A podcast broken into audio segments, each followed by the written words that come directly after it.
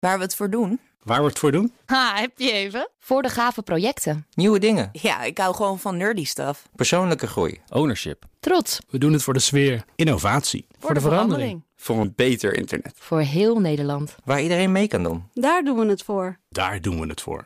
Waar doe jij het voor? Kom werken voor KPN en groei op jouw manier. Check de actuele vacatures op het gebied van data, security, development en networking op jobs.kpn.com/tech. Nieuwsradio. DNR Digitaal. Herbert Blankenstein. Welkom bij BNR Digitaal. Deze zomer hoor je het beste van het afgelopen seizoen van dit programma. Hackers die de systemen in hun eigen Tesla willen testen of aanpassen, zouden door het bedrijf op een interne zwarte lijst worden gezet. Het gevolg: ze krijgen pas later software-updates, beweren twee oud-Tesla-medewerkers tegenover CNBC. Christian Otto, CTO van Computest, heeft zijn twijfels bij het verhaal. Ik vind het niet heel logisch klinken uh, als, je, als je kijkt naar wat Tesla verder doet met de hackercommunity. Ze zijn daar heel actief in vergeleken met andere autofabrikanten. Ze reiken actief uit. Uh, ze stellen zelfs beloningen uh, tegenover het melden van kwetsbaarheden bij hun. Ze zijn heel uitnodigend in die zin. Ja. Dus dit past niet in dat plaatje. En er staat ook geen, geen bron die je kan verifiëren bij. Dus het is een beetje een gekke. je gelooft het niet eens helemaal als ik jou zo hoor. Nee, nee, eigenlijk niet. Oké, okay. ja. Um, we weten dat, uh, dat Tesla die, uh, die beloningen betaalt. Hè. Als je een goede kwetsbaarheid vindt, ja. uh, dan zeggen ze dankjewel, dat is ons wat waard. Hier heb je geld. En dat is dan meer naarmate die kwetsbaarheid ernstiger is. Ze, ze, hebben dus, dat is een verlicht, een verlicht beleid. Hè? In de autowereld zeker, ja. Uh, het komt op veel meer plekken voor, maar het zijn toch vaak meer de, de, de online bedrijven die, die zich bewust zijn van de risico's die ze lopen en van het belang dat ze hebben bij, het, uh, bij de meewerking ja. van hackers. Is Tesla het enige autobedrijf dat zich dan in, op dit punt opstelt als een IT-bedrijf? Voor zover ik weet wel, ja. Ik ken geen andere bedrijven met zo'n uh, beleid in elk geval. Ja, ja. Um, jullie hebben bij Computers zelf een Audi, een, een, Audi en een Volkswagen uh, geprobeerd te ja. hacken. Vertel eens of dat lukte en wat jullie voor elkaar kregen. Ja, dat lukte. Twee van onze hackers, Daan Keuper en Thijs Alkema, die hebben een tijd besteed aan het proberen binnen te komen in twee auto's via de internetverbinding. Dus we hadden auto's uitgezocht die aan het internet gekoppeld waren. En het is inderdaad gelukt om uh, nou, op de, de, de head unit, dat is dat ding met, met navigatie en zo erop, om daarop binnen te komen en de navigatiedata en microfoon uit te lezen en dat soort dingen. Ja, en hebben jullie dat dan gemeld bij de Volkswagen groep? Waar ja, Audi en Volkswagen dat hebben we gemeld. En toen? Uh, ja, en dat was een heel ander verhaal dan je bij Tesla. Uh, Oké, okay, leg uit. Het heeft ons drie kwart jaar geduurd om contact te krijgen. We hebben van alles wow. geprobeerd ja. via de Nederlandse importeur, via LinkedIn, e-mail enzovoort. Uiteindelijk uh, bleek dat ze een klokkenluidersmechanisme hebben voor medewerkers die kunnen bij een extern advocatenbureau terecht. En daar hebben wij aangeklopt met deze melding en die hebben dat weer bij Volkswagen zelf naar binnen gebracht. Ja, um, dit verhaal, um, wat jij dus trouwens uh, maar ten dele gelooft... Hè, over uh, het, het, achterstellen van hackers... Uh, ja. wanneer ze zich in, in een Tesla naar binnen werken... dat is naar boven gekomen door twee hackers... die een Tesla-wrak zijn gaan ja. hacken. Dat is via een sloper of zo zijn ze daar aangekomen. Ja. En heel makkelijk persoonsgevoelige informatie te pakken kregen. en die informatie bleek dus niet versleuteld. Daardoor konden ze er des te gemakkelijker bij komen. Enig idee waarom die data niet versleuteld worden? Want als, als ik jou goed begrijp en Tesla zo verstandig omgaat met dit soort dingen, zouden ze het eigenlijk wel moeten doen. Ja, ze hebben een, een goede houding ten opzichte van hackers. Dat betekent niet dat ze hun, hun productsecurity helemaal op orde hebben. Okay. Ik denk dat, dat dit een, een, een, symptoom is van onze tijd was belangrijker voor andere features die meer geld opleverden. En hier hebben ze gewoon niet naar gekeken. En op deze manier ja. worden ze wel gedwongen om daar even serieus over na te denken. Ja, ja. Ik vind het wel leuk trouwens dat een van die twee hackers in het artikel, die verdient zijn geld met bug bounties van Tesla. Die leeft daar gewoon van? Die leeft daarvan. Zo, dus dat, dat, zegt wel iets uh, over hoe Tesla ten opzichte van hackers. Uh, ja, het zegt natuurlijk ook van hoeveel bugs er blijkbaar nog gevonden kunnen worden. Ja. Ja, ja, ja, ja. Angela, jij bent van de privacy. Een auto stampvol met data. Mm -hmm. En die data zijn niet geëncrypt. Daar vind je vast iets van. Daar vind ik zeker wat van. Ja. ja en Tesla moet je eigenlijk gewoon zo zien. Het is een soort rijdende iPad. Het is een iPad met een kistje om, daaromheen. En mm -hmm. in dat kistje kun je gaan zitten. En dan ga je met die iPad ga je eigenlijk rijden. Dus in die zin is het ook niet een autobedrijf. Het is inderdaad een IT-bedrijf. En in de IT is inderdaad bug bounties is een heel erg normaal fenomeen. Dat is de norm. Dat is zeker niet een uitzondering. Dus ik denk dat Tesla eerder het gevoel had dat ze daar niet omheen konden. Dan dat het nou een teken is dat zij uh, de, de ontzettend over hun hart hebben gestreken. En het zo fantastisch goed voor hebben met, uh, nou ja, in, in, in de eerste plaats natuurlijk met hun eigen security. Ja, toch um, andere autofabrikanten horen we, die doen zelfs dat niet. Ja, Tesla is heel erg goed in marketing. Oh ja. Nee, echt serieus. Tesla is heel erg goed in marketing. Je vat dit op als een, een, een, een, trucje om leuke publiciteit te krijgen. Nou, het is niet een trucje, maar ik denk dat zij wel degelijk uh, besefte dat ze in de zin dat zij zich toch wel profileren als een soort van IT-bedrijf. Elon Musk is natuurlijk een soort van oppernerd. En uh, in die zin konden ze niet om die, om die bug bounty heen. Maar als je naar de feiten kijkt van hoe serieus zij dus hun uh, infosecurity nemen, valt het heel erg tegen. En dat gebeurt eigenlijk steeds vaker. Dat Tesla toch langzamerhand een beetje door de mand lijkt te gaan vallen. Dus ik ben heel erg benieuwd ja, waar dit eigenlijk allemaal heen gaat. Ja, ja. Ik, eh, Christian Otto, um, Ancilla is niet onder de indruk. Zo mag ik het samenvatten. Nee, nee dat hoor ik. Ik ben wel benieuwd wat voor uh, signalen zie je die aangeven dat ze het niet heel serieus nemen, die security. Nou, nou, je hebt het net zelf genoemd, uh, eerlijk gezegd. Het feit dat er dus hackers kunnen leven van het feit dat zij uh, gewoon op die bug bounties kunnen reageren en daar geld mee verdienen. Nou ja, dat zijn mensen die je gewoon in dienst zou moeten hebben, zodat zij kunnen voorkomen dat dit überhaupt een issue is. Het feit dat zij unencrypted al die data hebben opgeslagen. Nou, eerlijk gezegd, ik kan er niet met mijn hoofd bij. Oké, maar dat, dat zijn twee dingen. Want als je zegt je moet een bug bounty bieden, want dat is normaal, maar het mag niet succesvol zijn, dat is natuurlijk gek. Natuurlijk gaan mensen dan heel veel bugs vinden. Want die uh, eh, 100.000 hackers daarbuiten zijn er meer dan die 30 die je in dienst hebt, zeg maar. Ja, maar het is een verzekering. Het is niet een standaard policy dat jij afhankelijk zou moeten zijn van bug bounties. Jij zou jouw security zo goed op orde moeten hebben dat jij kan zeggen: Nou, voor bug bounties maken we echt veel geld vrij. Absoluut. Want als jij nog een bug vindt, ben je echt een knappe gozer. En daar hebben we geen data over. Hoe zij het zelf op orde hebben. Nee, maar Christian. daar ben ik het helemaal mee eens. Die data moet versleuteld zijn. En dat is het bij geen enkele autofabrikant. Voor zover wij hebben kunnen zien. En we hebben best wat auto's bekeken. En dan vraag ik me af, Tesla waarom, zou is de eerste moeten zijn die dat gaat doen. Maar waarom is het niet versleuteld? Kan jij met, heb je daar een theorie over? Ik heb er een theorie over. Dat is, uh, ze hebben er nooit aandacht aan besteed. Want het kost tijd en geld. En niemand vroeg erom. Dus ja, inderdaad gemakzucht. Ik geloof, ik geloof dat dus niet. Wat? Maar wat zou het dan Omdat zijn? het de eerste vraag is die in mij zou opkomen. Je, je, je, hebt, je hebt zoveel klantendata in handen. En dat weten ze ook donders goed. Dat weten ze echt wel. Vervolgens vraag je je af: is die data goed opgeslagen? Dat is de eerste vraag die ik zou stellen.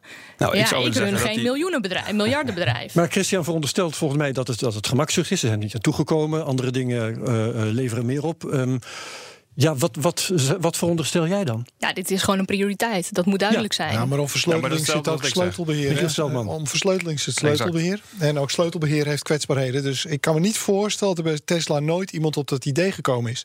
En daarnaast denk ik inderdaad wel responsible disclosure. Moeten we niet zien als een soort uh, stoplap voor uh, gemarkeerd beleid. Responsible disclosure is een essentieel instrument om de veiligheid van systemen. En Nederland is ook een van de weinige landen die er heel goed in is. Hè? Duitsland voor Volkswagen blijkbaar minder. Uh, Bruce Snyder, ik was uh, vorig jaar december op een OESO-conferentie. Ja, die zegt van, it's all we got. de enige manier om uh, te testen is juist extern, juist mensen die buiten het proces staan, de ja. boel te laten testen. Met het Responsible Disclosure programma, die continuous improvement van security levend En Christian dus... zegt ook al, je kunt niet alle hackers in dienst hebben. Je hebt er een aantal. Nee, en je wilt ook graag dat mensen die toch buiten het bedrijf staan. Dat die het moet een extra maatregel zijn. Ja, het ja, mag niet zijn waarop je beveiliging gebouwd is. Maar je moet niet vergeten wat je zegt, sleutelbeheer komt dan kijken. Het heeft Apple meer dan tien jaar gekost om op het punt te komen dat ze sleutelbeheer en beveiliging van de hele keten. Kijk, je kan data encrypted opslaan, maar er draait ook software op. Die moet ook beveiligd worden tegen manipulatie. Die software wordt gestart door andere software. Die moet ook beveiligd zijn tegen manipulatie. Voordat je die hele keten goed kan beveiligen, nou, dat heeft Apple dus tien jaar gekost. Ja. Ik zou hopen dat Tesla dat kan nadoen en dat ze minder dan tien jaar kost. Maar tegelijkertijd is het niet, weet je wat, in de volgende sprint eh, bouwen we dat even in en dan is het er. Ik wil even met jou, Christian, nog over een uh, ander probleem praten. Je hebt een Tesla, je verkoopt hem. Ja. Wat, uh, hoe zorg je ervoor dat de volgende eigenaar niet op dezelfde manier als deze hackers aan jouw data kan komen? Kun je een Tesla een als een telefoon terugzetten naar fabrieksinstellingen? Ja, hij heeft daar de opties voor. En wat er dan, wat er dan echt gebeurt, weet je natuurlijk alleen niet. Uh, dus hij heeft de opties om het ontkoppelen van jouw account en om data ja. weg te gooien. Dat moet je dan ook zeker doen. En dat zal in 9 van de 10 of in 99 van de 100 gevallen genoeg zijn. Wat er ook echt gewist wordt van de opslag van die schijven zeg maar, die erin zitten. Dus het kan zijn dat, de nieuwe eigenaar het in eerste instantie niet ziet, maar als hij beter zoekt, hè, bijvoorbeeld die harde schijf er even uithaalt. Als het door zo'n gast gekocht wordt, uh, die. Uh, Zo handig is als jouw. Die naar voren komt, ja, bijvoorbeeld. dan ja. kan er misschien nog wel eens wat van afkomen. Ja, dus ja. dat is in ieder geval niet bekend. Uh, we kunnen niet, bekend. niet, niet meteen veronderstellen dat het wel slecht zal zijn, maar aan de andere kant, die mogelijkheid kunnen we niet uitsluiten. Klopt. Ja, um, dus dat, je, je kunt daar als privépersoon gewoon bij? Staat het ook in de handleiding? Je kan een kit kopen van 1000 dollar met kabels en een ding om, oh. om aan te sluiten en die auto uit te lezen voor een deel. uh, dan ben je nog steeds niet bij de videobeelden en de, en de data die van je telefoon gesynct is. Dan moet je hem echt openschroeven en, uh, en wat verder hacken. Ja, dus, dus videobeelden, wat voor videobeelden moet ik me daarbij voorstellen? Van de camera's aan boord. Van de, achteruit, ja, van de achteruitrijker? Nee, nee, nee. nee, nee, nee. Uh, eentje vooruit en twee aan de zijkanten. Naar en dat wordt allemaal gewoon opgeslagen? de laatste paar minuten. Ja, dus in geval van oh. crash kijken ze terug wat er dan... dus de laatste crash die is in elk geval... Ja. En dan begrijp ik het ook goed dat wanneer zo'n Tesla in een auto-ongeluk uh, betrokken is, dat de politie dan als eerste de Tesla-fabriek belt, waarna de Tesla-fabriek de auto komt halen en de data eruit trekt? Ik weet niet of dat de volgorde is, maar het is wel een heel interessant inderdaad dat die data die die jij in die auto gestopt hebt, misschien ineens wel belastend voor jou kan zijn bij een ongeluk. En voor Tesla? En voor Tesla. Uh, en inderdaad, zij lezen dan. De politie kan zelf die auto's uitlezen. Uh, en als ze verder willen met de data die niet op de auto staat, maar die in de cloud staat, dan kunnen ze Tesla bellen. Maar die zeggen dat een heleboel geanonimiseerd wordt. Dus dat, ik weet niet precies wat die relaties zijn. Nee, maar dus daar, dat we moeten het hierbij laten. Jammer genoeg. Maar we gaan zeker nog vaker over Tesla en beveiliging van data in auto's praten. Kunstmatige intelligentie die zo slim is dat zelfs de makers het eng vinden. Hoor je zo. Nieuwsradio. BNR Digitaal. Welkom terug bij BNR Digitaal. Met deze zomer het beste van het afgelopen seizoen van dit programma. Kunstmatige intelligentie researchers van OpenAI hebben een algoritme voor een taalmodel ontwikkeld dat zo goed werkt dat ze er zelf van schrokken. Het algoritme werd gepubliceerd, maar wel de niet getrainde versie. Tijmen Blankenvoort, kunstmatige intelligentie-engineer bij Qualcomm, legt uit wat voor club OpenAI is. OpenAI is een researchclub, eh, geleid door een hele hoop eh, miljardairs die er geld in stoppen. Met als idee om AI echt een stap verder te helpen. Dus zij proberen AI op te lossen. En denken dat dat mogelijk is. En het open in OpenAI, dat zegt waarschijnlijk iets over de kennis die daaruit komt. Ja, de filosofie is dat op het moment dat jij uh, AI ontwikkelt die uh, eng is hè, of, of, ongelooflijk slim, dat we dat uh, openbaar maken, zodat iedereen dat kan checken en waar we een openbare discussie over kunnen hebben. Dus dat is eigenlijk het initiatief OpenAI. Ja, en nou is er dus een algoritme dat taal kan produceren die eigenlijk niet van menselijk te onderscheiden is. Tenminste, dat begrijp ik daaruit. Um, is dat een heel ingewikkeld algoritme? Ja, GPT-2, de techniek die erachter zit, is vrij ingewikkeld. Er zijn allemaal technische toeters en bellen aan vastgeplakt om dat beter te maken dan de modellen voorheen. Maar ik denk dat het grootste verschil met het model is dat het gewoon op tien keer groter is, op tien keer meer data is getraind als, uh, als vroeger. Wat dus betekent als er exotische taalpatronen zijn of onderwerpen die misschien niet al te vaak voorkomen, dat zo'n model er nu genoeg voorbeelden van heeft gezien om daarover mee te praten. Ja, um, wat zegt het nou dat de makers eh, ervoor kiezen om dit niet compleet te publiceren? Is dat uniek? Um, ja en nee. Ik denk dat het eigenlijk best wel uniek is in de, in de AI-wereld op dit moment. Uh, gezien het feit dat zij natuurlijk open AI zijn. Ze proberen zoveel mogelijk open te maken. Ja. Dus uh, heel veel taalmodellen hiervoorheen zijn gewoon openbaar gemaakt. Door, door, en er is nooit een discussie over geweest of het eng is of niet. Het is bizar dat je een organisatie opricht die zegt heel open te zijn. En werkt een keer iets goed. En dan publiceer je het juist niet. Ja, maar ik denk, uh, ik denk dat er wel een gedegen risico zit achter dit soort software. Dus even kort, wat doet die software? het is een taalmodel. Basic ik geef jou een paragraaf met tekst. Ik haal daar een woord uit. Kan jij voorspellen wat voor woord dat was? Dat is het model. Maar het wordt ook gebruikt om taal te genereren. Dus ik kan jou een begin van een zin van tien woorden geven.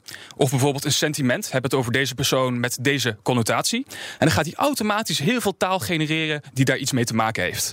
En op zo'n manier dat het grammaticaal en woordtechnisch gezien heel erg menselijk lijkt. Dat is wat het model doet. Nou ja, waarom is dit misschien, heeft het misschien impact op de, op de maatschappij?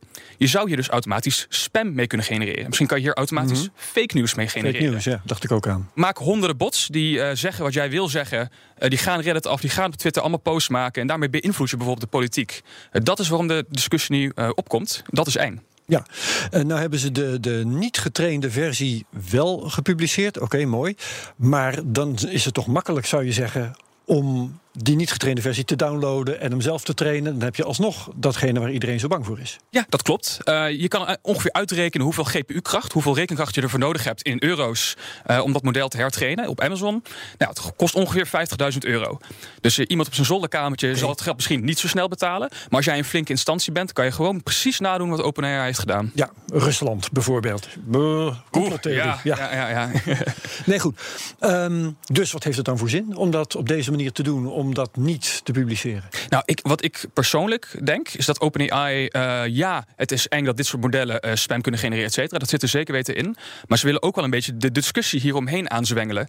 Dus hè, de eerste paragraaf van hun artikel zegt: We hebben een model getraind. Het is zo eng dat we het niet publiceren. Nou ja, in mijn optiek zeg je dan eigenlijk: uh, We moeten het hierover hebben als community. En dat beschrijven ze ook in dat artikel. Oké, okay. dus, dus daar gaat een discussie ontstaan binnen jouw vak. Uh, ja. Moeten wij dit wel doen, zoals het ook wel gebeurt rondom bijvoorbeeld uh, genetische modificatie? Ja, ja. Dwarsstraat. inderdaad. En ik denk misschien ook maatschappelijk dat we hier naar moeten kijken. Wat is de impact van fake news, dat soort dingen. Dat is ongelooflijk interessant. Of dit nou het model is wat we hadden moeten zeggen... jongens, dit hadden we achter moeten houden. Dat weet ik niet. En misschien ook al niet. Uh, maar ja, de discussie is zeker weten belangrijk. Ja. Um, en ik ben verder nog niet uitgedacht zelf over uh, tekst die zo goed is dat die wel door mensen geschreven lijkt te zijn. Ja. Um, als er uh, online slechte teksten gepubliceerd worden, dan denken van nou, daar is een mens bezig geweest. Dat ja. is, ik bedoel, het onderscheid is toch al vrij vaag. Ja, het, het, het, grappige is inderdaad van dit soort algoritmes, is dat ze eigenlijk qua grammatica en qua woordkeuzes en zo, zitten misschien wel op het niveau van een, van een PhD, hè, met taalbegrip en nooit uh, fouten maken. Um, maar op het logicagebied en begrijpelijke zinnen schrijven, schrijven van uh, stukken tekst die coherent samen één verhaal vertellen, ja, eigenlijk heb je daar meer menselijke kennis voor nodig. En die algoritmes die kunnen dat helemaal niet. Dus wat je gaat zien is denk ik, uh, als dit algoritme tekst maakt, tekst die dus op PhD-niveau zit qua grammatica kennis en misschien wel onder kleuterniveau qua logica en begrip. Ja, maar goed, uh, dan kan een algoritme dus uh, één wel en het ander niet. Wat is nou precies, hoe terecht is dan precies die angst voor het gebruik van dit soort instrumenten bij het maken van spam en het maken van fake news? Nou ja, misschien. Uh, kijk, als, als ook maar 20% van de zinnen die gegenereerd worden door zo'n algoritme uh, menselijk genoeg lijken. En hè, uh, de meeste berichten die mensen kunnen beïnvloeden op een Reddit of zo, hoeven maar een regel of twee lang te zijn. Dat overleeft dat algoritme wel. Stel 20% is maar accuraat genoeg, dan kan het alsnog heel veel mensen beïnvloeden. En dat is natuurlijk de discussie. Hè? Hoe slimmer deze en hoe beter deze algoritmes worden in het genereren van dingen die menselijk genoeg lijken, hoe meer onzin we op het internet gaan krijgen die gegenereerd wordt door bots. En ja, dat moet gefilterd worden op de een of andere manier. Ja, ja, ja en het is natuurlijk ook zo, uh, dat haal ik ook uit je woorden. Um, een algoritme dat teksten maakt die iedereen overtuigen, dat is uh, een, een, illusie. Maar als het een algoritme is dat teksten maakt die net iets meer mensen kan overtuigen dan toch al gebeurde, dat is vervelend. Ja, een, een, een, een sterk opiniestuk in een krant, dat gaat zo'n algoritme echt nog niet schrijven. Maar iets wat nee. in een paar regeltjes zegt uh, van... yo, ik stem voor deze en deze presidentiële kandidaat. Dat kan makkelijk. Ja, en, nou ben ik een... Uh, stel, ik ben een, een, nerd. Ik ga die Open AI van nou de, de, software waar het nu om gaat... die ga ik downloaden. Wat, wat kan ik daar dan mee op mijn zolderkamer? Nou, die taalmodellen worden heel veel toepassingen gebruikt. Bijvoorbeeld uh, uh, in Google, uh, Gmail of in Microsoft Word zitten autocorrect software en ook autocomplete software. Daar zit allemaal dit soort modellen achter. Uh, bedrijven kunnen dit soort dingen gebruiken om hun eigen modellen te verbeteren. Dus stel bijvoorbeeld, ik wil een chatbot maken als uh, in de KLM bijvoorbeeld. Nou, ik heb niet genoeg data om alle grammatica en alle woordgebruik te leren. Dan kan je dit model gebruiken als basis. En dan pas je je eigen model, wat getraind is op je eigen data, uh, pas je een klein beetje aan, zodat je het wel voor die chatbots kan gebruiken. Dus iedereen die hier gebruik van wil maken, kan eigenlijk hun eigen taalmodellen versterken. Ja, dus je kan wel natuurlijk je eigen spambots maken. Hè, dat kan ook. ja, maar wel redelijk algemeen bruikbaar dus. Heel algemeen bruikbaar. En dus in het algemeen, uh, bijvoorbeeld Facebook heeft meerdere van dit modellen gewoon in het openbaarheid gegooid. Niet alleen maar taalmodellen van Engels, maar van elke andere taal in de wereld gebruikt, uh, uh, getraind op hun eigen Facebook data. En daar maken heel veel mensen gebruik van al. Ja, kijk nog even naar Simon Ruhoff. Um, heb jij employ, jou, je, je, je bent ethisch hacker, dus je doet van alles en nog wat, maar je staat hier in verband met die verkiezingen. Uh, intelligente software um, om verkiezingsuitslagen te beoordelen, is dat, wat voor jou? Ja, ja, dat zou natuurlijk uh, kunnen. Je kan uh, wat wel slim is om te kijken of de, de voorspellingen van verkiezingsuitslagen of die ook overeenkomen met de daadwerkelijke uitslag. Als er grote afwijkingen in zijn, dan kan je daar, is dat echt wel aanleiding om de uitslag beter te gaan controleren. Heb je daar hele geavanceerde artificial intelligence voor nodig? Dat niet. Uh, maar in dit kader, wat wel uh, wat op dit moment een heel grote dreiging is als we het hebben over veilige verkiezingen, dan is dat nepnieuws. En het is heel lastig om uh, echt van nep tegenwoordig te onderscheiden. op internet. En, en dit algoritme dat, ja, heeft wel de potentie om ja, het, het kan uh, van, van drie zinnetjes kan het uh, drie alinea's maken. Ja. Dus het is een soort uh, nepnieuwskanon kan je dat inzetten. Ja. En dus je kan met een heel klein team kan je heel veel content op internet genereren. En als je het met nepprofielen doet, ja, dan wordt het wel echt een spinnenweb waar je helemaal in kan vastlanden. En als je het algoritme ook nog specifiek teksten gaat laten schrijven op iemands eigen sociale uitlatingen, dan ga je iemand helemaal met iemand helemaal meepraten ook. Ja. Dus, dus, dus, dus, dus ja, dat hier nu wordt, uh, ja, aandacht voor wordt gevraagd dat de discussie gevoerd wordt. Ik denk dat die discussie niet door de techneuten gevoerd wordt. Die denk dat die allemaal wel weten hoe eng artificial intelligence kan zijn in de toekomst. Maar dat het uh, meer op uh, overheidsniveau nu wordt besproken van hoe gaan we hiermee om. Want, ehm, ja, misschien ook al op maatschappelijk niveau. Want hoe meer onzin we zien op het internet en hoe vaker we dit soort nieuwsberichten horen, hoe meer we misschien zelf ook gaan letten op wat lezen we nou eigenlijk. En misschien ook wel zelfs wat teruggaan naar de, de, de, originele media sources. En misschien wordt de journalist weer veel belangrijker door dit soort dingen. Ik wil met jou, Tijmen, nog heel kort, een paar seconden, uh, StarCraft bespreken. Geweldig, ja. Een game die nu ook door uh, kunstmatige intelligentie gespeeld kan worden. Ja. Um, dat overvalt zelf jou, begrijp ik. Ja, dat klopt. Ja, eh, dat bericht is mij overvallen. Ik dacht dat het niet mogelijk was om StarCraft door AI op te lossen. Maar ze hebben het op de een of andere manier voor elkaar gekregen om op hele lange termijn signalen te leren. Dus op hele lange termijn te plannen en daarvan te leren. Nou, ik dacht niet dat het mogelijk was. Voor elkaar gekregen. Echt een geweldige nieuwe stap in de artificial intelligence. Weer een mijlpaal. Yes. BNR Nieuwsradio. BNR Digitaal. Smartphones worden steeds sneller en beter. Dat vraagt meer van de hardware, waardoor die warmer wordt. Wil je van die warmte af, dan kan dat met waterkoeling. Linus Tech Tips vroeg zich af hoe dat werkt en trok daarom een watergekoeld toestel uit elkaar. Wesley Schouwenaars bekeek het verslag. Our Mizu 16th is clearly still shrink wrapped, but we were intrigued by this phone because on the product page for it, it claims to be water cooled. Water of een andere vloeistof kun je gebruiken om hardware te koelen. Dat is niets nieuws. Maar steeds vaker claimen ook smartphonemakers dat ze waterkoeling gebruiken. Daarom. What the crap exactly is water cooling in phones? Can we, can we investigate that by perhaps taking it apart? Dat is misschien wat rigoureus, maar als het goed is, zie je dan wel hoe ze het doen. Slopen dus. I say we try and take the back off. You want to go back? Well, look at the screen. It doesn't look like that's the thing that separates. I bet it does. Let's take the back off. What is this? Is this a fingerprint scanner? I don't know what the crap that is. En dat slopen, dat is moeilijker dan je denkt. Oh, uh, uh oh, those are the buttons. Oh, okay. Ish. Are those the buttons? I don't. Maar na lang klooien. Is that it? That's the most we can expose? Like, can we take it apart more? You know what? That's as deep as we're going because I want to flip this phone on eBay when we're done. Nou goed, je moet ook op de centen letten natuurlijk. Waterkoeling dus. Hoe zit het? So basically what you're looking at here is I think calling it a water cooler is a little disingenuous, but you actually could make the argument that it's a fluid cooler at the very least. Een vloeistofkoeler. Goed punt op zich, want er zit een klein pijpje in met een vloeistof die de warmte van de processor overneemt en weer ergens afstaat. Alleen bij een traditionele waterkoeler wordt die warmte uiteindelijk afgestaan aan de lucht. En of dat hier gebeurt, is onduidelijk. Kun je daarom zeggen dat deze smartphone watergekoeld is? Not in the way that we would traditionally define water cooling, because we've typically referred to this as heat pipe air cooling. But there is fluid involved, and in some cases, heat pipes are actually filled with a fluid that is either completely or mostly water. So it's, it's possible it's water cooled. But I'm going to call it fluid cooling from now on. Je hoorde een bijdrage van Wesley Schouwenaars. Tot zover BNR Digitaal. Wil je meer horen? Dat kan via bnr.nl, onze app, iTunes en Spotify... of waar je ook maar naar podcasts luistert. Beluister ook eens een van mijn andere podcasts... De Technoloog, Space Cowboys of de CryptoCast. Bedankt en tot volgende week. Bij BNR ben je altijd als eerste op de hoogte van het laatste nieuws. Luister dagelijks live via internet. Bas van Werven. En heel langzaam komt de zon op rond dit tijdstip. Je krijgt inzicht in de dag die komt op BNR, het Binnenhof in Nederland en de rest van de wereld. De Ochtendspits. Voor de beste start van je werkdag. Blijf scherp en mis niets.